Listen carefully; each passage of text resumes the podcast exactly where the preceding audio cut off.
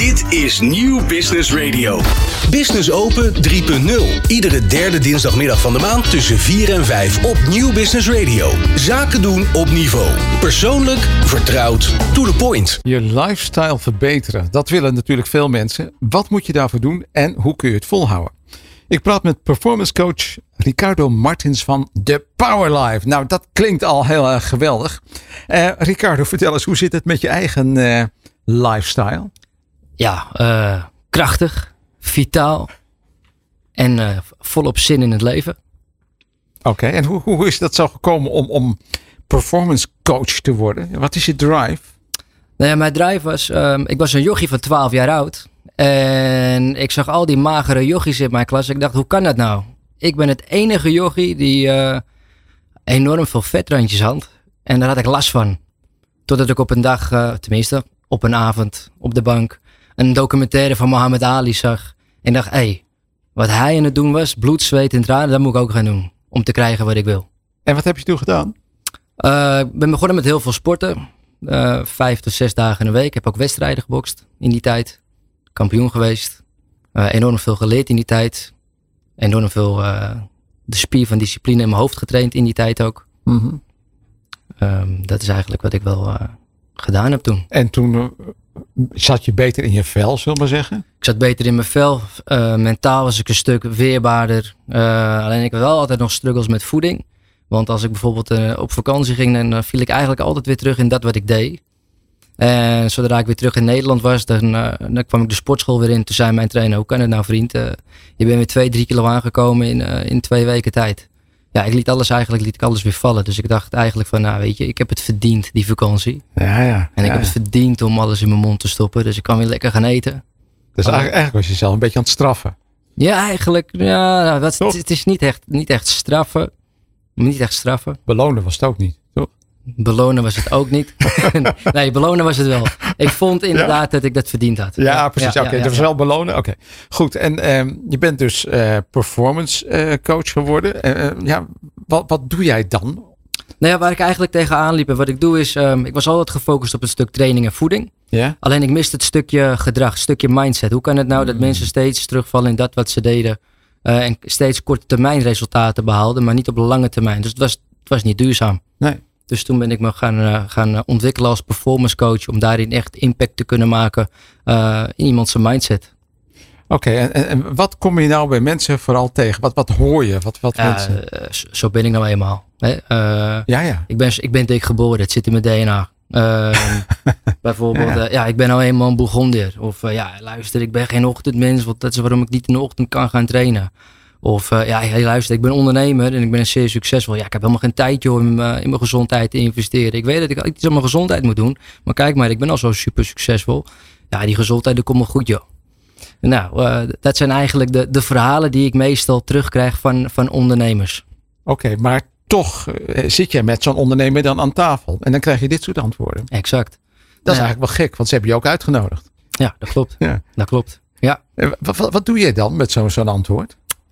Nou ja, daarin laat ik hun zien wat, ze, wat er uit hun mond komt. En daarin laat ik zien dat wat ze, hè, dus bijvoorbeeld ik heb geen tijd, uh, um, ja, hoe dat eigenlijk onwerkbaar is voor hun. Dus wat, dat het eigenlijk heel erg in de weg staat bij diegene, waardoor ze niet in actie komen of waarom ze niet bereid zijn op dat moment om in hun gezondheid te investeren. Terwijl ze wel weten dat ze het moeten doen. Alleen ergens zijn ze toch super koppig om het uh, ja, toch niet te doen. Het is nooit nu, het is altijd later. Ja. Het is altijd in het nieuwe jaar. Manjana. Manjana, 1 januari. Ik ben weer vol gemotiveerd. Ja, ik ben, daar gaan we weer voor. Nou ja, motivatie app weg, zeg ik altijd, na drie, vier weken. Ja. En dan zijn we weer alles aan het doen wat we aan het doen waren. Um, nou, dat is eigenlijk een, een patroon wat uh, niet doorbroken wordt. Hoe, hoe krijg jij dit soort ondernemers nou in het gareel? Dat ze, dat ze wel wat gaan doen? Ik laat ze zien hoe belangrijk hun gezondheid is. En door middel ook van mijn trainingen laat ik ze ervaren hoe ze ervoor staan met hun gezondheid. En dan als, als ze dan gaan trainen bijvoorbeeld met mij, dan zien ze eigenlijk, hé, hey, ik ben helemaal niet zo fit. Hmm. Uh, ik ben helemaal niet zo sterk. Uh, dat is best confronterend. Mijn conditie is niet wat het moet zijn. Mm -hmm. En dan van daaruit ga ik een één op één gesprek aan met zo'n ondernemer. Om ze te laten ervaren en ze, en ze te laten zien hoe belangrijk je gezondheid is. En om er echt wat aan te gaan doen.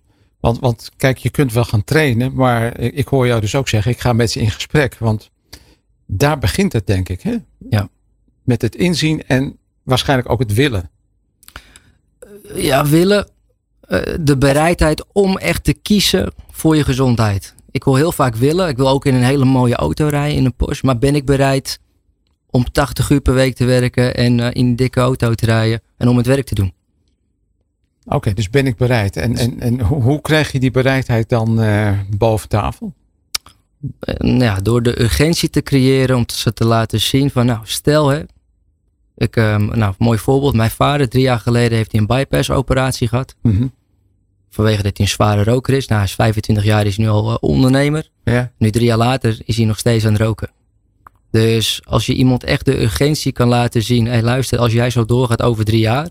Hoe ziet je leven er dan uit? Hoe sta je er dan voor met je gezondheid? Ehm, wat is de impact voor jezelf? En wat is de impact voor je, misschien als je kinderen hebt of voor je vrouw? Hè? Ehm, hoe zou dat eruit zien? Heb je ook een voorbeeld van, van een ondernemer die je hebt begeleid, die van heel ver moest komen en die nu ergens is? Eh, ja, absoluut. Ik had een ondernemer die, ehm, die nam zijn gezondheid echt voor lief. En die, eh, die train ik nu eh, drie keer in de week. Oké, en, en wa- was die te zwaar of eh, ongezond of wat, wat, wat was er de hand? niet eens te zwaar, maar hij was te licht. Dus, was te eh, licht? ja, hij was te licht. Ja. Oh, oh. Dus ehm, deze ondernemer die, eh, die wou echt aankomen in, in zijn gewicht. Hij wou sterker en fitter worden. En hij ervaarde zelf dat hij dat dus eigenlijk helemaal niet was. Dus ja, nu vandaag de dag heeft hij echt een kwalitatief mooi leven. Wauw. Op het gebied van zijn gezondheid. Ehm, hoe kun je nou echt goed volhouden waarmee je begonnen bent? Wat is, wat is het geheim? Door te stoppen met je onwerkbare patronen.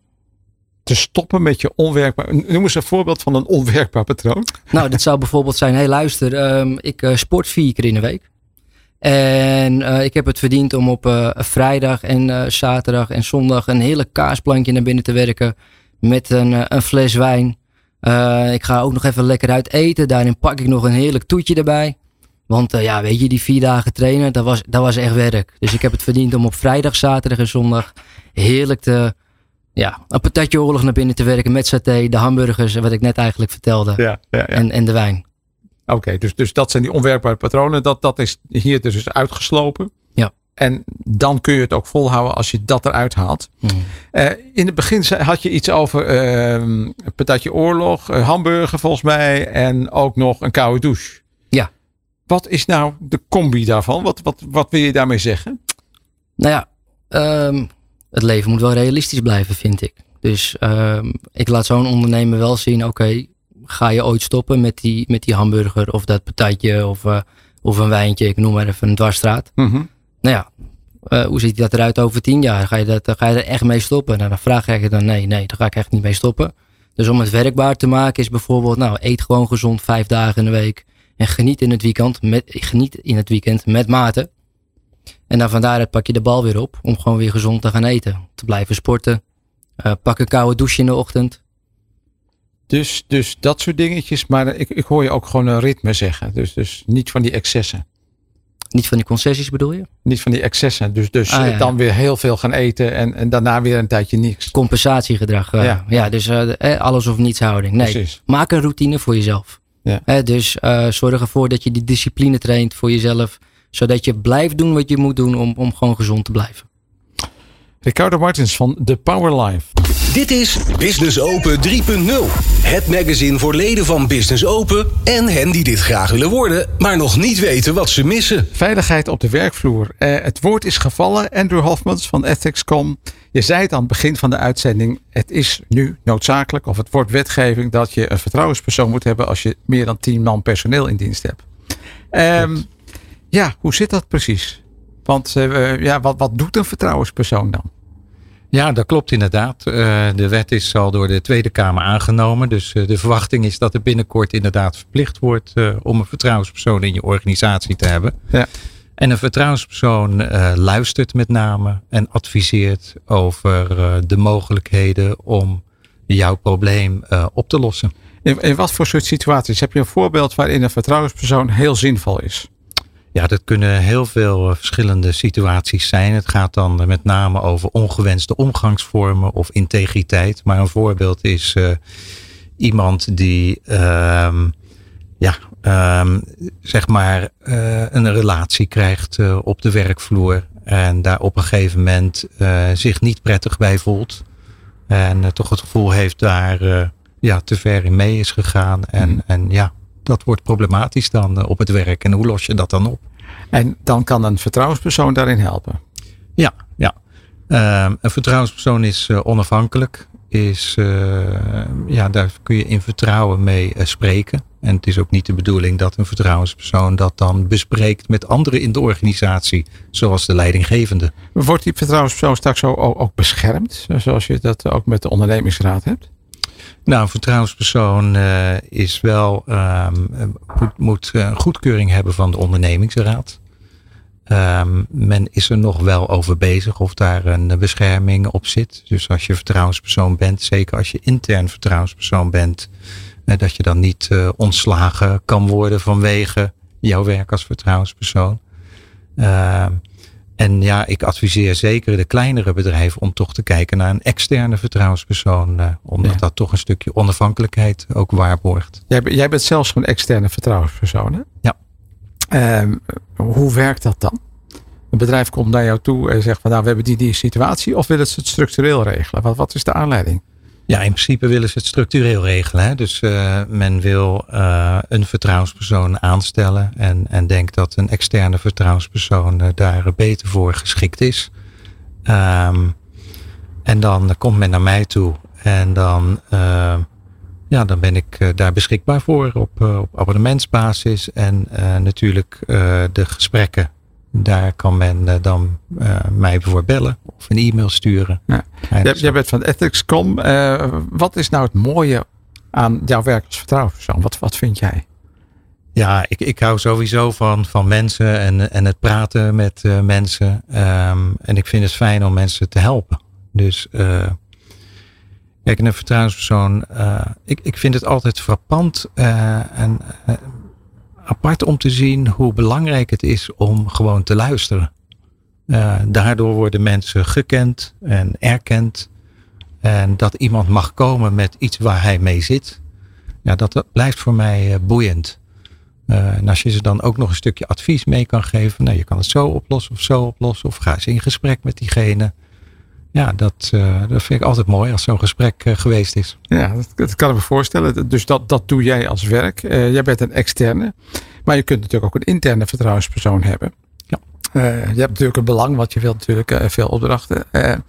Wat is nou het verschil tussen een externe en interne vertrouwenspersoon? nou, in principe niet. Ze doen beide hetzelfde. en bij grotere organisaties is het natuurlijk heel goed mogelijk om interne vertrouwenspersonen aan te stellen. En die een stukje opleiding mee te geven. bij voorkeur dat ze ook gecertificeerd zijn als vertrouwenspersoon. Uh, bij kleinere bedrijven zie je toch wel vaak dat de onafhankelijkheid in geding wordt als het uh, Piet aan de andere kant van het bureau is die, uh, die jouw vertrouwenspersoon is. Ja, wat, wat in het MKB, bedoel, met tien man of, of twintig of dertig personeelsleden, ja, je kent elkaar. Ja.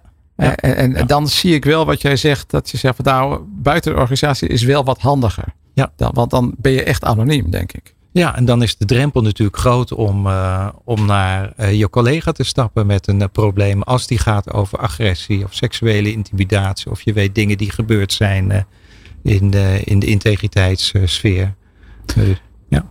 Daar wordt, daar wordt het verplicht hè, voor, voor wat grotere organisaties boven de tien personeelsleden. Dus ja, dan, dan moet het ook gewoon. Maar wat, stel dat het daar niet verplicht zou zijn. Wat is dan het voordeel om een vertrouwenspersoon te hebben?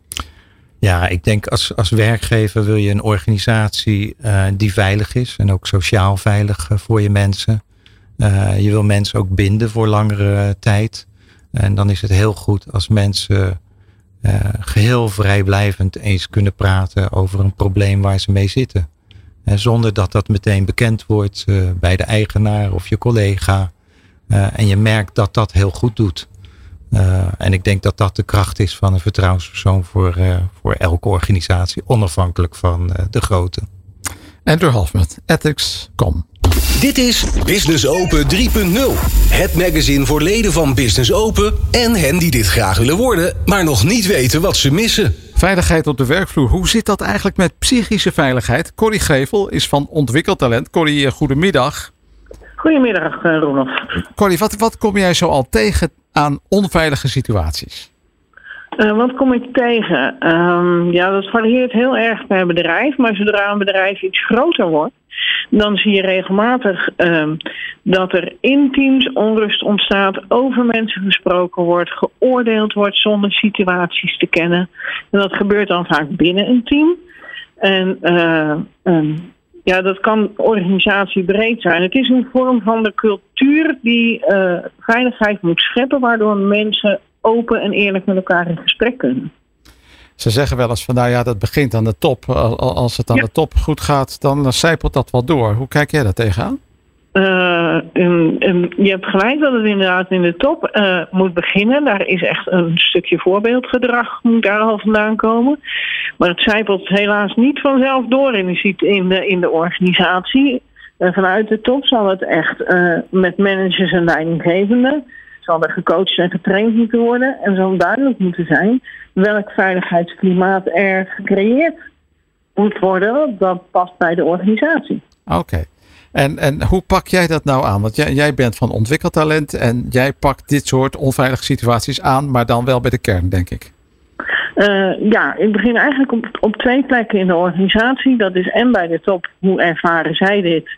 Uh, uh, en wat is er al volgens de mensen die, die in de topstructuur zitten? Mm -hmm. Maar ik begin ook op de werkvloer, er op te halen. wat speelt er bij jullie? Waar kun je daarover praten? En gebeurt, voelt dat veilig voor jou? Kun jij met je leidinggevende een gesprek aangaan? Of het nu over je persoonlijke situatie is, over je ontwikkelwens of over samenwerking met collega's. En daar maak ik een, een, een, analyse van. En dan gaan we kijken waar zitten dan hiccups. En hoe kun je dan met elkaar zorgen dat er wel een veilig klimaat gecreëerd wordt. Wat ben je nou onlangs tegengekomen op de werkvloer aan onveilige situaties? Een voorbeeld. Uh, een voorbeeld. Um, uh, een medewerker die bij zijn of haar leidinggevende had aangegeven dat ze zich graag wilde ontwikkelen als het kon binnen de organisatie. Maar als dat niet ging lukken, dat ze naar buiten ging. Mm-hmm. Uh, dat doet ze uiteraard in vol vertrouwen met haar, maar met haar leidinggevende. En vervolgens wordt ze een dag later door de directeur aangesproken. Ik hoor dat jij weggaat. Zo. Ja, wegvertrouwen. Ja, inderdaad. Dus dat, en dat is dan ook lastig of niet meer te repareren. Deze dame heeft inmiddels een andere uh, baan al gevonden en gaat dus werkelijk weg. Terwijl dat niet nodig was geweest als er eerst eens naar uh, op een vertrouwelijke manier was gekeken naar wat de mogelijkheden binnen de eigen organisatie waren. Maar wat, wat leer jij nou de manager van deze medewerker? Um, behandel je mensen zoals je zelf behandeld wilt worden. Probeer je nu eens te verplaatsen in een medewerker die met een vertrouwen met jou het gesprek aangaat als leidinggevende. Uh, hoe zou jij willen uh, dat jouw leidinggevende met, met het, het verhaal omgaat? Oké, okay, dat, dat is helder. En dan aan de top kunnen natuurlijk ook dingen misgaan. Wat ben je daar onlangs tegengekomen? Uh, vooral onbegrip. Wij zijn toch een veilige situatie. Wij bieden mensen allerlei kansen. We gaan er toch goed mee om. Terwijl het in de werkelijkheid niet zo blijkt te zijn. En dat is vaak echt een schok voor directieleden, bestuurders, om te ervaren dat de werkelijkheid echt anders is dan zij in hun hoofd hebben. En, en hoe komen ze dan achter? Hoe doe jij dat? Uh, door een vlag uit te brengen van wat ik opgehaald heb bij medewerkers. Dus dat betekent, jij, gaat, uh, jij, maakt dus uh, een stap op de werkvloer en je gaat in de directiekamer zitten en dat ja. ga je dan samenbrengen. Zo moet ik het zien? Ja, inderdaad. Ja, dan ga ik eerst in beeld brengen. Zit er, zit er ruimte tussen? Hè? Dus is er echt een, een gat tussen wat bestuurders of directies denken en de werkvloer zelf? Hoe ziet dat gat er dan uit? En dan gaan we kijken hoe kunnen we dat bij elkaar gaan brengen. Hartstikke goed. Dankjewel Corrie Grevel van Ontwikkeltalent. Business Open 3.0. Iedere derde dinsdagmiddag van de maand tussen 4 en 5 op Nieuw Business Radio. Zaken doen op niveau. Persoonlijk, vertrouwd, to the point. Communicatie, hoe belangrijk is, is dat? Maureen Veurman is van UP Communicatie. Eh, expert op het gebied van communicatie, media en reputatie. Dat lees ik tenminste op jouw website, eh, Maureen. Eh, met als specialisme crisiscommunicatie. Wat doet nou goed leiderschap in jouw ogen voor de reputatie van een organisatie? Nou ja, eigenlijk alles. Want uh, je krijgt omzetgroei, minder verloop, uh, lager verzuimpercentage, uh, meer innovatiemogelijkheden. Want mensen hebben zin om, te, om dingen te maken, te creëren. Een stijgende reputatie natuurlijk. En werkgeluk voor je medewerkers, waardoor ze dus ook langer blijven. En uh, die reputatie, hè, dat, dat, is natuurlijk een kostbaar goed. Uh, jij, jij doet crisismanagement. Wat kom je dan tegen wat, wat die reputatie kan schaden? Slecht leiderschap. Nou ja, dat is een open deur natuurlijk. Oké, oké. Nou, dat wordt, nou wordt het spannend. Slecht leiderschap. Wat is dan nou slecht ja, leiderschap? Als je, als je, bijvoorbeeld... We hadden hier een mooi voorgesprek voor en iemand zei de voetballerij. Ja. de voetballerij is meteen ook het meest zichtbare. Want op het moment dat er geen vertrouwen meer is... wat naar mijn idee het belangrijkste is in leiderschap... Um, wordt de coach ontslagen. Dus de leider. Die wordt meteen ontslagen. Die wordt meteen dat, ontslagen. Daar gaat geen uur overheen bijna. Precies. Ja. Dus het doet ontzettend veel goed leiderschap. Oké, um, maar dus crisismanagement. Uh, daar heb jij mee te maken. Kun je eens een voorbeeld noemen wat dan crisismanagement is? Wat kom jij tegen als crisis waardoor jij moet gaan werken aan die reputatie? Nou ja, dat gaat echt van datalekken tot aan moord. Um, en datalekken, de communicatie, hoe hoe doe je dat naar al je stakeholders? Want er is een lek in je organisatie, waardoor er gegevens van klanten, cliënten op straat liggen. En daar moet je natuurlijk op de juiste manier over informeren. Uh, en dan heb je vaak met een heel groot spectrum aan mensen te maken. Veel meer dan je denkt. Het zijn niet alleen je klanten, maar het zijn ook je stakeholders. Je belangrijkste mensen die bijvoorbeeld in jou investeren. Um, en die moet je wel op de juiste manier informeren. En vaak komt daar nog de media bij kijken. Dus je gaat gewoon richting publiek, je gaat richting de media, je gaat richting stakeholders, wat je noemt. Dus medewerkers. Medewerkers, ja. maar ook misschien wel aandeelhouders. Zeker weten. Ja. En die moeten allemaal op een bepaalde manier geïnformeerd worden. Dat klopt. Ja. ja. Maar die moeten ook op een eigen manier worden aangesproken, denk ik, of niet? Uh, ja, maar de boodschap moet wel hetzelfde zijn. en, en hoe moet die boodschap dan luiden? Hoe, hoe eerlijk moet ja, die boodschap zijn? Open, eerlijk en transparant. Vooral die transparantie, dat gaat je doen winnen. Ja. Uh, want je kan beter toegeven dat je iets fout hebt gedaan. Uh, en dan laten zien in de toekomst, in de nabije toekomst, hoe je dat gaat oplossen. En dat je het gaat voorkomen. Uh, dan sta je veel sterker dan dat je eromheen gaat praten. En uiteindelijk toch nog na een hele tijd moet zeggen: ja, we hebben het fout gedaan. Ja, precies. Ja. En, en in, in hoeverre is het belangrijk om ergens wel een actieve herinnering aan te hebben? uh, ik, ik ben me niet zoveel in de politiek.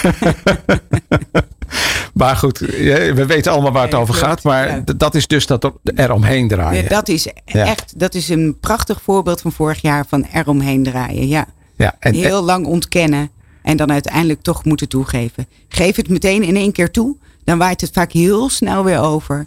En volgen mensen je wel, maar laten ze ook zien hoe sterk je bent door het op te lossen. Ja.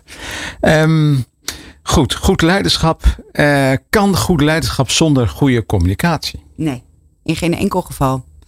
En het is communicatie op alle manieren. Hè? Dus niet alleen schriftelijke communicatie. Het gaat ook om het zichtbaar zijn. Op alle fronten, intern bij je medewerkers. Maar ook naar buiten toe.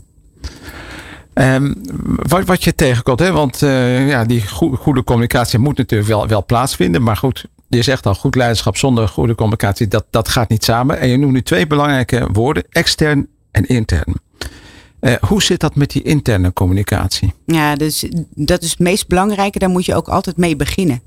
Want uh, dat zijn je, Ho hoezo dan? Nou, dat zijn de ambassadeurs van je organisatie. Op het moment dat zij niet aangehaakt zijn en er vraagt iemand heel simpel op een verjaardag het weekend daarna: Goh, jij werkt toch daar en daar. Hoe zit dat eigenlijk? Hmm. En je hebt niet een mooi verhaal om te vertellen ja, dan ga je natuurlijk stuk. Waardoor het vertrouwen bij de medewerkers, ja, nou, ik weet niet wat ze daarboven eigenlijk doen. Ik heb geen idee. Ja, voor mij is het ook een beetje een schimmig verhaal. Daar begint je reputatie al mee, hè? Dus als medewerkers vertrouwen hebben in het bestuur, dan stralen ze dat ook naar buiten uit. Ja, precies. Oké, dus, dus met name dus zorgen dat die communicatie, je noemt het ook al transparant, intern in de organisatie goed landt dat medewerkers weten wat er gebeurt en dus ook naar buiten kunnen vertellen. Want eigenlijk zeg je dat. Ja, dat klopt. En niet alleen op een verjaardag. Het gaat ook om als een klantenservice wordt gebeld uh, met de vraag van joh, uh, wat is er bij jullie aan de hand? dan moet die medewerker dat wel goed uit kunnen leggen. Ja, dus die communicatie intern is cruciaal. Cruciaal. En je zegt, daar begin je mee. Uh, hoe pak je dat dan? Dat, want extern kan ik me voorstellen, dat is een persbericht. Maar misschien is dat niet eens zo. Dat mag je zo corrigeren. Hoe doe je dat intern? Ja, dat ligt ook aan het voorval. Of hetgeen wat er is gebeurd. Uh, intern ga je altijd meteen op zoek naar de mensen. Eerst de mensen, wie staan er het dichtst omheen. Die meteen bij je pakken, informeren, met ze praten. Uh, en dan steeds verder de schil daarbuiten. Ik noem dat altijd een soort van uitpellen. Ja, ja. Uh, dus je begint echt bij de kern en je gaat steeds verder naar buiten. En dat is extern precies hetzelfde. Een persbericht is een voorbeeld van meteen zelf het nieuws brengen.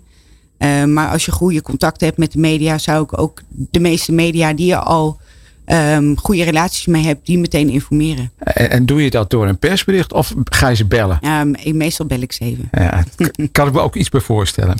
Wat, wat is nou de belangrijkste pijler volgens jou voor goed leiderschap vanuit jouw vakgebied? Ja, vertrouwen. Vertrouwen. Vertrouwen. Vertrouwen is, maakt je reputatie, want je koopt geen vertrouwen uh, en geen reputatie. Uh, die moet je echt winnen. Reputatie is echt een perceptie wat de buitenwereld van jou heeft. En als niemand vertrouwen heeft in jouw bedrijf, dan heb je dus ook geen goede reputatie. Ze zeggen altijd vertrouwen komt te voet en gaat te paard. Maar ja. dat is een beetje oude uitspraak. Snel. Ja, maar, het, maar het klopt nog steeds. Want het is echt heel snel weg. En vertrouwen opbouwen en reputatie opbouwen kost 20 jaar. 20 jaar? Ja, dat kost echt heel veel tijd. En uh, het kan in 20 minuten echt zo weg zijn. Zo. Dat is uh, ernstig. Ja. Dus goede communicatie past bij goed leiderschap. Ja, zeker weten. Oké, okay, Barry Veurman van Up Communicatie. Dit is Business Open 3.0. Het magazine voor leden van Business Open en hen die dit graag willen worden, maar nog niet weten wat ze missen. Veiligheid in het bedrijf. Welke aspecten zijn er en hoe pak je dat aan? Kees Weerhem is van BHV Nederland. En Kees, dat mag je zo uitleggen waar BHV voor staat. Maar ja, veiligheid en Kees. Waar, waar, waar is dat ergens begonnen, Kees? Ja, ik zou natuurlijk kunnen zeggen als een klein jongetje wil, iedere, iedereen wil brandweerman of politieagent worden, maar ja. dat, uh, dat, daar is het bij mij niet begonnen. Oh. Um, het is wel begonnen bij een, een gebeurtenis uh, waarbij, een, waarbij in, in, het dorp waar ik woonde, Pijneker, daar had ik toen een tuinbouwbedrijf, daar brandde een boerderij af. daar was ik, dat, dat, dat was zichtbaar en toen dacht ik van hé, hey, ik ga me aanmelden bij de vrijwillige brandweer. Lang verhaal kort maken, vrijwillige brandweer, in aanraking komen met hulpverlening. En tot de conclusie komen dat mensen meer kunnen doen dan ze doen op het moment dat er iets gebeurt. Want wat heb je toen bij die brand bij die boerderij meegemaakt? Uh, chaos, paniek, uh, toestanden. En ik, ik, ik ben de laatste die zegt dat het daar anders had gekund. Want dat weet ik helemaal niet. Ik, ik, ik, was, ik was toeschouwer. Um, maar wat ik wel dacht was van uh, jeetje, het zou je gebeuren. En dan sta je daar. En dan, uh, dan bel je 112. Als je al 112 belt. Hè, want heel veel mensen bellen iemand anders dan 112. Um, en, en, en dan? Um, ik, heb toen, uh, ik, ben, ik ben toen bij die vrijwillige brandweer terechtgekomen. Ik heb de stap gemaakt naar beroepsbrandweer. Ik heb vanuit die functie ook een aantal jaren op de meldkamer gewerkt. En daar heb ik al heel erg ervaren de link tussen iemand die 112 belt en de hulpverlener die in die auto zit op weg naar het incident. En hoe is die link dan?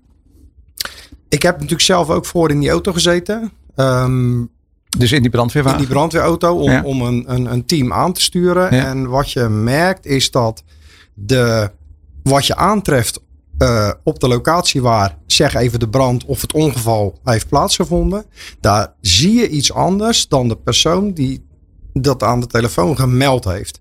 Dus wat jij aan 112 doorgeeft, dat is letterlijk. Wat, wat zegt iemand dan bijvoorbeeld? Als je daar aankomt en je hoort daar pas dat er nog iemand kwijt is. Dat is, mm. dat is letterlijk wat, er mij, wat mij is overkomen. Um, dan komt die brand in de straat inrijden en dan op dat moment hoor je ja, we missen nog iemand. Dat is, dat is best heftig. Die moet dus nog dat in het pand zitten. Die moet nog in het pand zitten. Maar dat betekent dat je twee dingen hebt. Ik moet iemand gaan zoeken en ik heb brand. Dat gaan we met z'n vieren niet redden. Dus hebben we meer nodig. Nou zie je wel dat er vaak al wel op gestuurd wordt. Maar als je dat van tevoren weet, heb je een ander gesprek in de auto. Ja, ik snap het. Jouw bedrijf is BHV Nederland. Ja. BHV staat voor bedrijfshulpverlening. Oh, precies, dat zou iedereen moeten weten eigenlijk. Maar wat, wat is nou het, het, het, grote probleem bij bedrijfsveiligheid? Het gebeurt altijd bij de buren. Oké. en de Wordt, wordt het serieus genomen? Of wordt, Nee, nee, eigenlijk niet. En dat, dat, dat, daarmee doe ik mensen die het wel serieus nemen absoluut tekort. Maar wat je ziet in onderzoeken, en, en eh, jij zal dat dadelijk denk ik ook bevestigen. In onderzoeken zie je ook dat 50% van de bedrijven heeft het geregeld. Dat betekent 50% niet. En van de 50% die het geregeld heeft, heeft 25% het niet goed geregeld. Of onvoldoende geregeld. Oké, wat, wat als bedrijven zeggen, eh, die 50% ik heb het goed geregeld. Wat, wat hebben ze dan wel gedaan? Eh, dan hebben ze risico-inventarisatie. Dus Ja. hebben ze hun risico's geïnventariseerd. En op basis daarvan, en dan gaat het vaak, hebben ze dat stukje nog wel, maar hun Ja. plan van aanpak is niet op orde. Of ze hebben, ja, ze hebben wel BHV, maar ze hebben hun BHV helemaal niet gericht op de risico's die ze hebben. Dus, dus dat zijn algemene risico's, maar niet Niet specifieke. specifieke, specifieke risico's. Ja. Klopt. En, en dan, eh, nou goed, je zegt dan eh 50% heeft het niet. Maar van die 50% die het wel heeft, heeft ook nog 25% het eigenlijk slecht geregeld. Dus dat zijn eigenlijk schrikbarende cijfers. Ja, en toch zou ik wel willen zeggen dat het cijfers zijn die vooral komen door onbewust onbekwaam zijn van ondernemers en, en medewerkers. Kijk, als jij ehm radio maken leuk vindt, dan ben je daarmee bezig.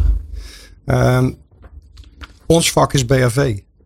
Daar zijn wij mee bezig. Maar, stel in zo'n radiostudio, waar kijk je naar qua veiligheid? Ja, ik kijk waar ik eruit kan. Oké, en heb je dat hier gezien? Nou ja, dat, is, dat is twee deuren. Twee deur. en het raam, daar kun je er ook nog uit. Ja. Nee, maar, maar waar, je natu- waar je natuurlijk vooral naar moet kijken is wat kan er gebeuren. Ja. En op een moment dat zoiets gebeurt, dan moeten er dus mensen zijn die mij hulp verlenen. Ja, wat, wat, wat- jij hebt BHV'ers, hè, dat, dat, Ja. dat ken ik. Wat, wat doen BHV'ers? BHV's doen vooral restrisico's, brandblussen en eh EHBO-incidenten afhandelen.